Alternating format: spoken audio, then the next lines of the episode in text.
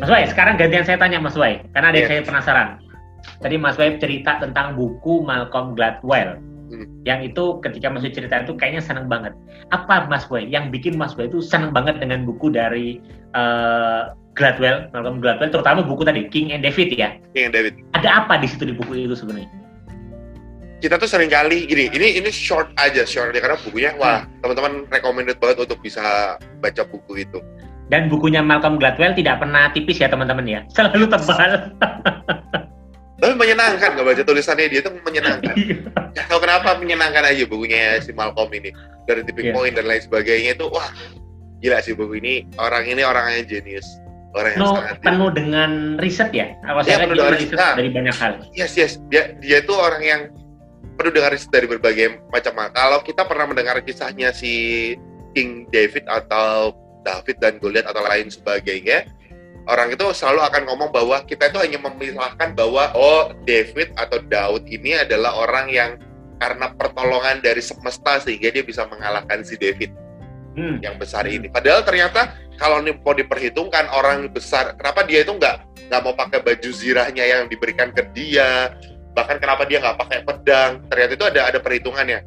Sama kayak batu, gunting sama eh sorry apa eh, batu, gunting kertas atau gajah, manusia sama semut itu punya kelemahan dan kelebihannya masing-masing Benar. di buku itu tuh dituliskan bahwa kelemahan dari si Giant atau si David itu adalah dari matanya dia. Dan Hmm. dia kalau mau pe- peperangan jarak dekat, dia itu pasti menang ya David karena dia dari kecil terlatih untuk peperangan jarak dekat itu menggunakan pedang dan lain sebagainya. Sehingga sama kayak tadi, kalau jempol itu kalahnya pasti sama kelingking, Oke. ya kan? Hmm.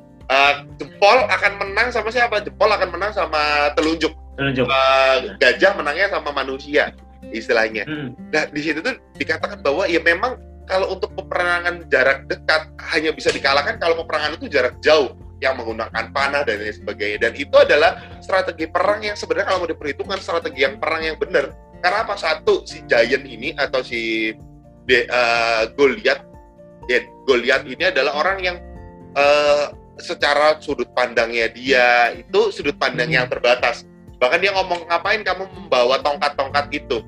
Padahal dia tuh hanya membawa satu tongkat di sana. Artinya dia, wah, ini ya sekali lagi itu kepandaiannya Malcolm Gladwell untuk mengulik sebuah kata lewat sebuah riset. Kenapa kok kata itu di- diucapkan? Wah, itu buku yang keren banget dan di sana saya jadi kayak sadar satu hal. Hopefully saya bisa menuliskan buku ini. Ini udah niat dari beberapa waktu lalu Hmm. tentang stay small. Kita nggak perlu takut untuk untuk dalam bentuk kecil, karena ternyata ketika kita ada dalam sebuah kecil, dalam sebuah kurun yang kecil, kita tuh bisa detail, kita itu bisa ngelihat segala sesuatu perspektifnya itu secara detail. Oke. Kita tuh pengen besar, tapi nggak pernah eh, setia pada hal-hal yang kecil. Padahal ketika kita setia pada hal kecil, maka pertumbuhan kita secara eh, perlahan step demi step itu yang akan membantu kita. Nah, orang sering kali menyepelekan hal-hal kecil dalam hidupnya, padahal kita itu punya hal kecil yang bisa mengalahkan hal besar dalam hidup ini. Sebutlah, let's say, banyak artis dalam, dal- kita ngomongin artis, banyak artis di dunia ini atau bahkan di Indonesia ini dalam dalam atau bahkan content creator dalam keseharian kita yang dia itu hanya butuh sebuah karya kecil untuk mengalahkan sebuah persaingan yang besar yang ada di sana. Ya. Saya sebutlah siapa? Eh, penyanyi dangdut, penyanyi dangdut. Ayu Ting Ting. Dia tuh Ya. hanya butuh satu lagu eh, salah salah alamat, salah alamat untuk akhirnya dia bisa dikenal sebesar ini. Salah satu penyanyi favorit saya Kunto Aji. Saya udah tahu Kunto Aji ini dari zamannya Indonesian Idol. Suaranya dia, ciri khasnya, tampilannya dia. Tapi apakah ketika dia keluar dari Indonesian Idol dia ngetop? Enggak juga Enggak dia juga. butuh satu lagu yang dia ciptakan yang dari bahkan waktu di mata Najwa kalau nggak salah di Najwa Shihab eh, bukan Ah. mata Najwa di Najwa Shihab di, diceritakan dari satu lagu itu itu sudah mengalahkan semua semua pencapaian dia sebelumnya. Bahkan lagu satu lagu itu mengantarkan dia sampai dengan titik ini yang dia punya fans yang solid dia punya album yang wah luar biasa. Lewat satu lagu itu di mana satu lagu ini adalah lagu yang diciptakan dari uang sisanya dia setelah dia. sakit sebelumnya dia mau bikin satu album karena dia sakit uang untuk album itu di, dialihkan untuk sakitnya dia.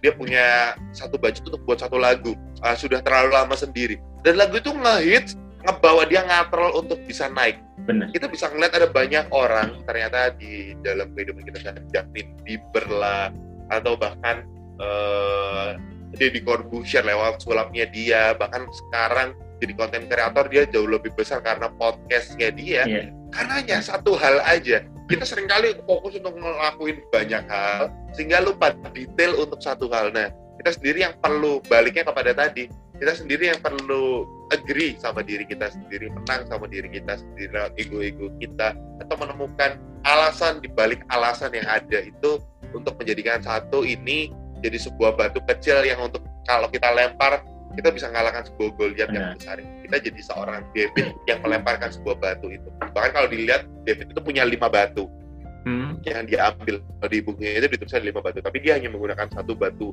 aja untuk mengalahkan. Artinya dia itu punya punya lima hal. Tapi kan baliknya adalah batu ini bukanlah sebuah batu yang iseng-iseng kayak sosokan dia. Udahlah saya pakai batu aja yang lain kan ini. Kita asal kan aja lah ya era-era saat ini kan era-era di mana kita berusaha untuk tampil berbeda. Hmm. ah yang lain pakai ini saya pakai ini yang lain. Itu enggak. Tapi satu hal ini adalah satu hal yang memang benar-benar diasah day by day dailynya dia. Ini adalah satu hal yang dekat sama si David ini.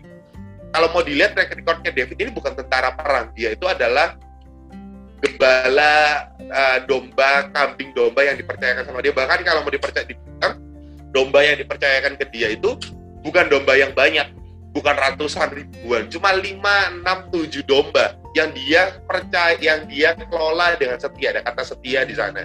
Kelola dengan setia bahkan dia ngomong bahwa uh, apa ketapel yang dia gunakan itu adalah ketapel yang biasa digunakan untuk mengusir serigala ataupun iya. hewan-hewan liar yang akan mendekati peternakan atau uh, kerumunan hewan yang dia simpan, yang dia yang dia apa?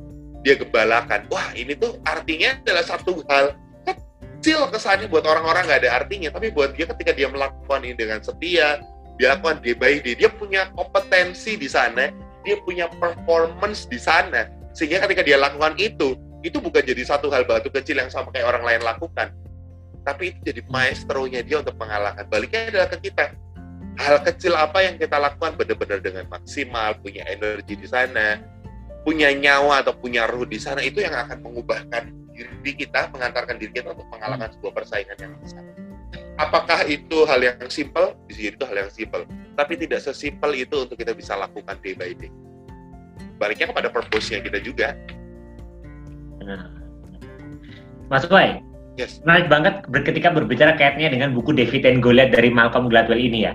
Cuman kalau dalam konteks saat ini, menurut Mas Wai, apa pembelajaran atau insight yang didapatkan oleh teman-teman pendengar semua gitu atau sedang melihat live streaming kita ini dalam menerapkan tadi esensi dari buku David and Goliath tadi sehingga bisa sesuai dengan konteks saat ini dalam kondisi pandemi, dalam kondisi yang kita penuh dengan ketidakpastian, dengan kondisi bisnis yang yang ini lagi fuka semua ini atau ada banyak masalah terjadi. Apa yang bisa diterapkan ya dari buku David and Goliath ini, Mas Anu Mas. Oke, okay, untuk mengalahkan sebuah persaingan yang uh, berat ini, kita sendiri kalau istilahnya salah satu orang yang saya kagumi uh, dan gurunya Mas Ivan, kita sendiri yang perlu rise above the crowd. Oh. Kondisinya dengan dengan kondisi ini adalah apa?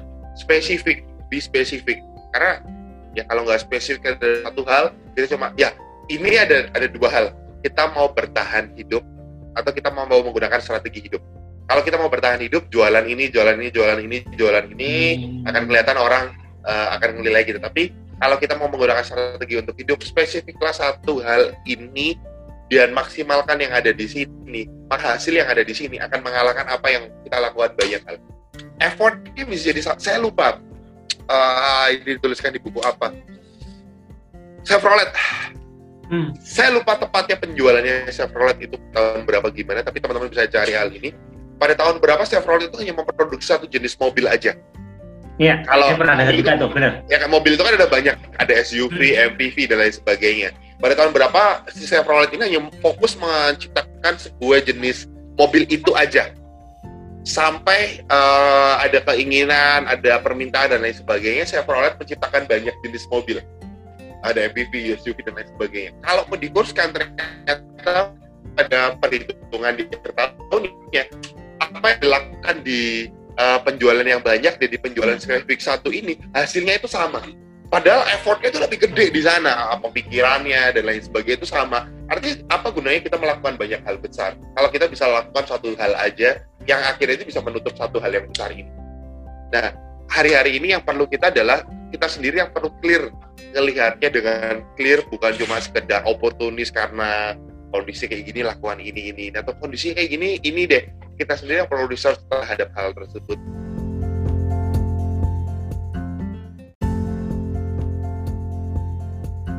Lakukan hal tersebut dengan satu kita memberi ruh pada apa yang kita lakukan. Banyak orang oh saya udah maksimal. Benar maksimal nggak sih untuk ngelakuin hal itu. Atau jangan-jangan itu hanya label maksimal yang kita berikan. Padahal sebenarnya kita sendiri nggak maksimal terhadap hal tersebut. Satu hal kecil itu akan mengalahkan banyak hal besar ketika kita lakukannya dengan benar-benar maksimal dengan memberi ruh dengan memberikan segala pemikiran kita di sana. Saya uh, bukan orang yang pandai untuk kalau teman-teman ngelihat saya ngomong di depan layar kayak gini saya yakin bahwa banyak penilaian jelek untuk saya saya bukan orang yang sangat rapi untuk bisa ngomong di depan online Hmm. Tapi di bulan Maret lalu, ketika saya pertama kali ngebawa uh, semua kelas harus di hold, dengan kata lain di cancel dan harus beralih ke online, saya ngebawain kelas online jelek banget, jauh lebih jelek daripada hari ini. Delivery saya jelek banget, saya ngebawain materi yang biasa saya bawain bahkan jelek banget. Tapi satu hal, saya belajar mengasah apa yang ada di sana untuk terus bersyukur, puji Tuhan, Alhamdulillah. Hari ini mulai terisi job-job job-job uh, jadwal-jadwal yang terisi mulai online. Bahkan ketika kemarin uh, kembali ke kelas offline saya cuma ngomong sama istri saya ternyata enakan online ya. Udah mulai udah mulai nyaman dengan online. Tidak harus keluar rumah. Saya perpindah saya ke Jakarta ketemu coach Ivan harus terbang dulu dari rumah ke bandara, bandara ke Jakarta, ke Jakarta, uh, bandara Jakarta ke rumah coach Ivan atau ke tempat uh, meet up. Yeah. Itu waktunya panjang banget. Panjang banget. Ini tuh kita hanya bergulat dengan sinyal. Saya sampai pasang dua provider kalau teman-teman tahu. Satu begitu, begitu udah. Ini koneksi guys. Stabil provider ini. Saya ganti provider lain. Provider kedua gak stabil saya routing dari HP saya. Artinya adalah ya dari hal kecil yang ada yang kita lakukan dengan maksimal kita memberi ruang kita memberi energi pada satu hal kecil itu saya yakin satu hal kecil itu akan menjawab ketakutan kita yang besar dan mengalahkan ketakutan kita yang besar. Gitu. Ini gila nggak kerasa hampir sejam ya? iya loh, nggak kerasa. Dan tadi kalau aku sudah bilang ini tidak sistematis, oh penyampaiannya jelas banget gitu dan banyak menginspirasi kita. Mas Wei luar biasa dalam menyampaikannya. Jadi uh, terima kasih banyak buat insightnya Mas Wei. Dan satu terakhir, pesan terakhir nih, karena mungkin Mas Wei selain juga ada aktivitas gitu ya. uh, satu pesan terakhir, pesan yang mau disampaikan buat anak-anak muda sekarang gitu ya, yang memang saya loh anak-anak muda sekarang itu. Entah yang kemudian lagi kuliah, entah kemudian yang lagi bekerja gitu kan, mereka kan menghadapi sesuatu yang mungkin bagi orang-orang tua-tua gitu ya, itu kan sudah pernah menghadapi krisis tahun 98 gitu. Tapi bagi anak-anak muda kan ada yang mungkin di situ masih usianya berapa tahun gitu ya sehingga belum tahu sehingga baru menghadapi real krisis itu saat ini. Ada nggak pesan yang mau uh, Mas Wei sampaikan kepada generasi muda atau Mas Wei sampaikan kepada generasi muda untuk bisa bertahan menghadapi krisis ini? Apa Mas pesannya? Uh, jangan lupa makan jangan lupa cuci tangan. Protokol kesehatan tolong di uh, protokol kesehatan tolong karena yang muda-muda itu biasanya lebih bandel daripada yang berusia. Saya masih lihat banyak orang nggak pakai masker di jalan tapi lebih dari itu yang saya pengen. Ini ini pesannya juga buat buat saya pribadi untuk untuk saya juga bukan hanya untuk teman-teman di mana pun teman-teman berada. Be fokus be spesifik dan be, be gentle be, kenapa kok harus fokus ya kalau kita nggak fokus kerjain satu hal kita nggak spesifik kita nggak bisa apa ya kita nggak bisa kalau yang tadi kamu kita nggak bisa rise even higher, rise above the crowd untuk bisa sampai pada satu titik. Kenapa harus gentle? Ya kita harus gentle untuk kalau pada akhirnya hal tersebut, hal yang tidak berhasil kita lakukan, jangan ngasih alasan untuk hal tersebut. Akui hal tersebut, modifikasi hal tersebut, lihat hal tersebut, apakah bisa ada proses yang perlu diperbaiki dari hal-hal tersebut. Kalau nggak ada, ya kita sendiri yang perlu belajar untuk move. Loh, hmm. katanya perlu spesifik. Yes, spesifiklah pada satu hal aja. Karena manusia ini bukan orang yang ternyata bisa melihat atau mengerjakan secara multitasking. Dan kita bisa mengerjakan satu hal. Multitaskingnya kita itu hanya karena kita lakukan hal ini selesai lakukan ini ini. Tapi nggak ada yang ternyata real benar-benar bisa multitasking jadi hmm. spesifik, hmm. be fokus, dan be gentle. Gentle terhadap apa? Kalau memang gagal, akui kegagalan, perbaiki kegagalan itu, dan ya itu, move. Oh, luar biasa. Pesannya berkesan banget ya buat saya juga secara pribadi benar sih. Artinya dengan kondisi kayak gini emang fokus tuh menjadi penting karena sekarang kan orang lagi pada aduh gimana nih? Apa ya sibuk dengan kecemasan gitu ya. Maka fokus pada apa yang perlu kita lakukan itu penting. Hasilnya ya hasilnya kita serahkan lagi. Ada banyak variabel yang bisa menentukan hasil kita kan tapi tugas boleh tambahin ya, satu nggak? Bisa. boleh dong tambahin lagi. Banyak juga karena boleh. tadi Coach Ivan ngomong hasil dan proses saya itu selalu percaya manusia selalu berharap mengenai keajaiban. Ya. Dalam kondisi ini apa pun kondisinya keajaiban yang akhirnya apa yang dilakukan bisa bisa naik dan bisa jadi hasil yang luar biasa seperti yang jauh lebih diharapkan bahkan. Nah, perpaduan ini rumus perpaduan dari saya untuk mendapatkan keajaiban. Keajaiban itu adalah perpaduan antara dari kesiapan, antara dari persiapan dan kesempatan. Kita nggak pernah tahu kesempatan ini datangnya kapan, tapi kita bisa tahu persiapan dan kesiapan kita kapan kita akan memulai dan kesiapan dan persiapan itu kita pasti bisa tentukan ketika anda melihat video ini kesiapan, kesempatan ini adalah apa yang ada dalam kontrol diri kita. Kesempatan itu adalah apa yang di luar dari kontrol diri. Kita akan stres kalau kita berharap kesempatan itu datang mempengaruhi kesempatan itu. Cara untuk mempengaruhi kesempatan ini adalah ya kita mendekatkan diri kepada pemilik kehidupan ini. Kita mendekatkan diri. Tapi apa yang ada di sini itu adalah 100% yang ada dalam kontrol diri kita. Bagaimana kita uh, memenuhi kompetensi kita, bagaimana kita memenuhi kompetensi kita untuk menjadi performance kita, bagaimana performance kita ini bisa kita modifikasi untuk jadi berbeda dan lain sebagainya itu 100% dalam dalam bagian dan bidangnya kita.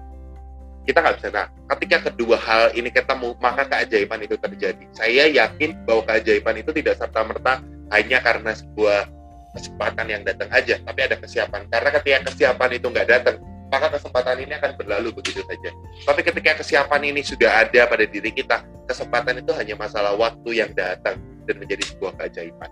Jadi jangan pernah gantungkan keajaiban itu hanya pada faktor yang di luar diri kita, tapi juga kita perlu tahu ada satu faktor yang ada dalam diri kita untuk menyiapkan. Hmm. Kalau hari ini hujan, ter, uh, mau berapa banyak air hujan yang Anda terima tergantung dari wadah yang Anda siapkan untuk menerima air hujan itu kalau wadahnya sebesar ini, ya saya hanya dapatkan seini. Ini kalau saya siap, siapkan sebuah ember besar atau bahkan saya siapkan sebuah kolam, maka air hujan itu datang dan besok kemarau, maka saya punya persediaan yang lebih banyak.